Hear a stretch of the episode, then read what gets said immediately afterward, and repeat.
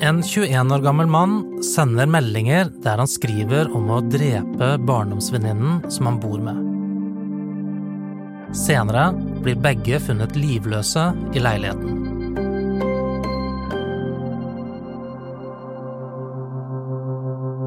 Politiet får en telefon av familien til Sofie. De er bekymret. De har ikke fått kontakt med henne på over et døgn. Eh, og det er uvanlig at hun ikke svarer. Dette er Hanad Ali. Han er krimjournalist i Bergens Tidende, og han har fulgt denne saken siden politiet fikk meldingen i fjor høst. Kvinnen familien er bekymret for, er 20 år gamle Sofie Vaux Guyen.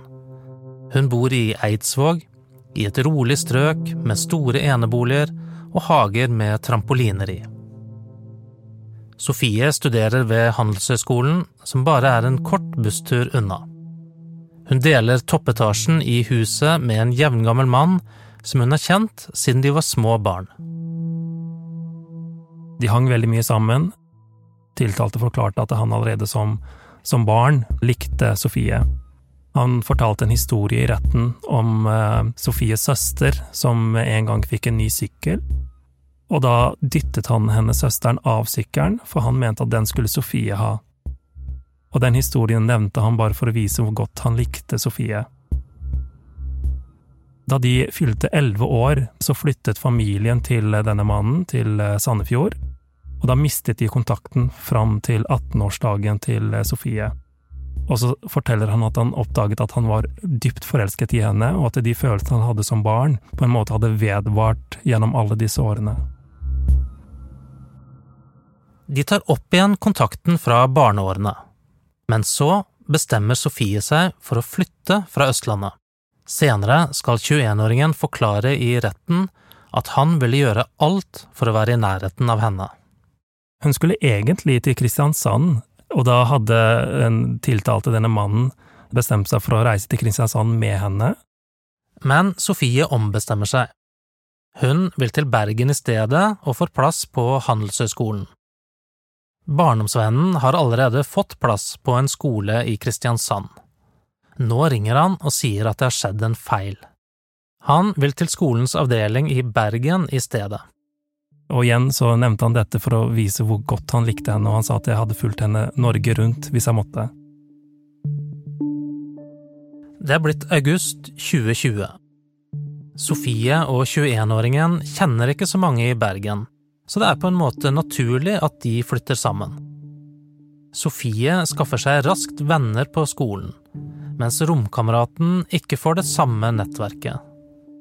Når hun drar på fest, følger han som regel med.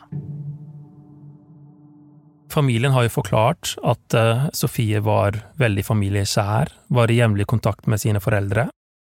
Venner av henne har forklart at hun var en snill og omtenksom jente som passet på andre. Bistandsadvokat Einar Raaen har jo sagt at det kanskje ble hennes bane, at i en periode hvor veldig mange unngikk tiltalte og fant han litt rar, så var hun den som eh, hjalp han og prøvde å hjelpe han. Hun er omtalt som skoleflink, fikk eh, gode karakterer, var veldig dedikert, tok skolearbeidet sitt på alvor. På denne tiden skjer det noe annet viktig i Sofies liv. Hun og kjæresten, som var sammen i flere år, har hatt en pause i forholdet. Nå bestemmer de seg for å bli sammen igjen, selv om de bor langt fra hverandre. Mens Sofie er i Bergen, bor kjæresten hennes i London. Senere forklarer kjæresten i retten at Sofie syntes det var ubehagelig å dele leilighet med barndomsvennen. Sofie nevnte en historie til sin kjæreste om at eh, de gangene hun var aleine hjemme med han, så kunne han kikke på henne gjennom døren, for eksempel, eller kikke på meldingene hennes på telefonen, at hun oppfattet dette som litt skremmende. Nå har Sofie og 21-åringen bodd i Bergen en drøy måned. En dag reagerer Sofies foreldre på at de ikke får kontakt. Hun svarer ikke på meldinger eller telefon. Det ligner ikke henne. Politiet får en telefon av familien til Sofie. De er bekymret, de har ikke fått kontakt med henne på over et døgn. Familien kontakter også huseiere. De tar seg inn i leiligheten. Inne på rommet til Sofie så finner de henne der, hun er død, tullet inn under en dyne. De finner eh, mannen, eh, hennes samboer, hennes venn, inne på det andre rommet, livløs. Politiet finner eh, piller og tabletter rundt han, og han blir sendt til sykehus, hvor han da finner bevisstheten igjen, og allerede da begynner politiet med, med avhør av, av mannen. Etter at 21-åringen blir skrevet ut fra sykehuset, blir han overført til Sandviken psykiatriske sykehus for observasjon. Han innrømmer at han drepte Sofie. I leiligheten fant politiet Sofies katt død inni vaskemaskinen. 21-åringen forklarer at han stengte inne katten fordi den mjauet mye og prøvde å få kontakt med Sofie. Han var redd for at naboene skulle reagere på det. Hva vet vi om hans eh, psykiske tilstand? Det har vært en rettspsykiatrisk undersøkelse av han, og han er tilregnelig ifølge den undersøkelsen. Det finnes ingen historikk på han på psykisk lidelse eller for behandling. Det har heller ikke blitt avdekket faremomenter ved han, altså han har vokst opp i et eh, stabilt hjem, eh, han har hatt en ok utdanning og fulgt egentlig ganske ok med på den utdanningen sin, har hatt venner rundt seg. Så um, det er på en måte ingen klare faremomenter som har kunnet peket på at han skulle begå de handlingene han har erkjent nå, forutenom disse tekstmeldingene, da. Meldingene Hanad snakker om her, ble viktige da saken kom opp for retten. 21-åringen hadde en del kontakt med Sofies søsken. Før drapet sendte han meldinger både til broren hennes og til andre bekjente. Hva er det han har skrevet i de eh, meldingene som blir trukket fram av aktor? Eh, han har skrevet ulike ting. Han har f.eks. Eh, skrevet at han ønsker å ta sitt eget liv, at han kommer til å gjøre det snart, og at han også kommer til å drepe henne i tekstmeldinger til f.eks. utenlandske gamervenner. Til broren til Sofie, det er egentlig der de mest alvorlige meldingene kommer. Hva kommer du til å tenke hvis jeg dreper søsteren din? Og i retten har broren forklart at han fikk mange av de meldingene fra tiltalte, men at han aldri tok de på alvor, for det var bare sånn han var. Han var merkelig, og hadde en sånn rar humor eh, som gjorde at eh, både han og andre rundt han ikke tok det på alvor. Og det har han sagt etterpå at det angrer han på. Og så har han også skrevet i tekstmeldinger at eh, neste lørdag så skjer det. Han skriver om et oppdrag som skal fullføres den kommende lørdagen, og det er jo den lørdagen Sofie blir drept. Mannens forsvarer mener de meldingene ikke betyr at drapet var planlagt. Han trekker frem at 21-åringen var med i et gamingmiljø som drev med ekstremt drøy humor. Jo grovere, jo bedre, og at meldingene må leses i den sammenhengen. Den dagen Sofie ble drept, satt hun hjemme og spilte av en forelesning på nett. 21-åringen satt inne på rommet sitt og så på porno der temaet var sex mellom folk som deler leilighet. Og da viser også fitbiten hans at han beveger seg veldig mye, og da har han forklart i retten at han beveger seg mye fra rommet hennes og til sitt og tilbake til henne igjen, og tryglet om, om sex. Ble avvist eh, frem til hun ga etter, og så har han forklart at eh, mens de hadde sex, så fikk Sofie melding fra sin kjæreste, den meldingen ville hun svare på, og så brøt ut en krangel mens hun drev og svarte på den meldingen. Hvorpå hun sa at hun aldri kommer til å bli sammen med tiltalte, og at hun er forelsket i sin kjæreste. Og det er da han sier at han ble sint og skuffet, følte seg sveket, og da mener han at drapet fant sted. Men denne forklaringen om frivillig sex er ikke troverdig, mente aktor under rettssaken. Hun la fram flere tekstmeldinger mellom 21-åringen og Sofie. I meldingene ber han flere ganger Sofie om sex, og hver gang blir han avvist. Han har jo i retten erkjent at han var den som var den mest pågående.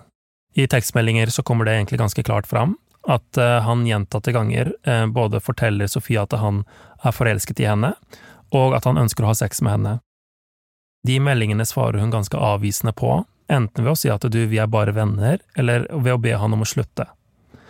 Og det viser tekstmeldinger som strekker seg over flere år, altså. Sommeren før drapet skjedde, så trygler han om sex, ikke sant, han, Han spør gjentatte ganger, hvorpå hun svarer æsj, nei, vi er bare venner, jeg vil ikke ødelegge vennskapet vårt. Aktor mener da at dette viser Dette er ikke meldinger som hadde funnet sted mellom to som hadde et seksuelt forhold. Søsteren til Sofie har også forklart at hun gjentatte ganger sa at hun så på tiltalte denne mannen som en bror, og at hun aldri kunne blitt sammen med han, hun hadde liksom ingen seksuelle følelser eller tanker om han, ifølge både broren og søsteren til Sofie og kjæresten hennes. Under rettssaken mente aktor at det ikke var tvil om at Sofie ble utsatt for et seksuelt overgrep. Ifølge aktor var det ikke mulig å slå fast om den seksuelle kontakten skjedde før eller etter at hun var død. Derfor ble 21-åringen tiltalt for likskjending eller voldtekt. Han ble også tiltalt for drap og for å ha puttet katten i vaskemaskinen. Jeg spør Hanad om hvordan den tiltalte har oppført seg i retten. De gangene andre har forklart seg, eller andre har hatt ordet, så har han vært lite involvert. Han har ikke gjort så veldig mye ut av seg, sett veldig mye ned, lite øyekontakt med de rundt seg. Skrevet og tegnet på et ark eh, som har ligget foran han. Da han eh, skulle forklare seg, så forklarte han seg ganske rolig og balansert for det meste, frem til eh, han kom til selve drapet. Da gråt han. Han gråt også da han eh, forklarte eh, om det som skjedde med katten. 10. desember falt dommen. Mannen ble dømt til 13 års fengsel for drap og dyreplageri. Han ble frikjent for likskjending og voldtekt. Retten mente det ikke er bevist at 21-åringen forgrep seg seksuelt på Sofie. Retten var delt i spørsmålet om drapet var planlagt eller ikke. To av de tre dommerne mente det ikke er bevist at tiltalte handlet med overlegg. Tekstmeldingene fra 21-åringen var ikke uttrykk for tanker om å drepe, ifølge flertallet. Hva har han sagt eh, om hva han tenker om drapet nå i ettertid? Han fikk jo det siste ordet i den siste rettsdagen, og han beklaget til familien hennes og sa at han angrer på det og vil måtte leve med det resten av sitt liv.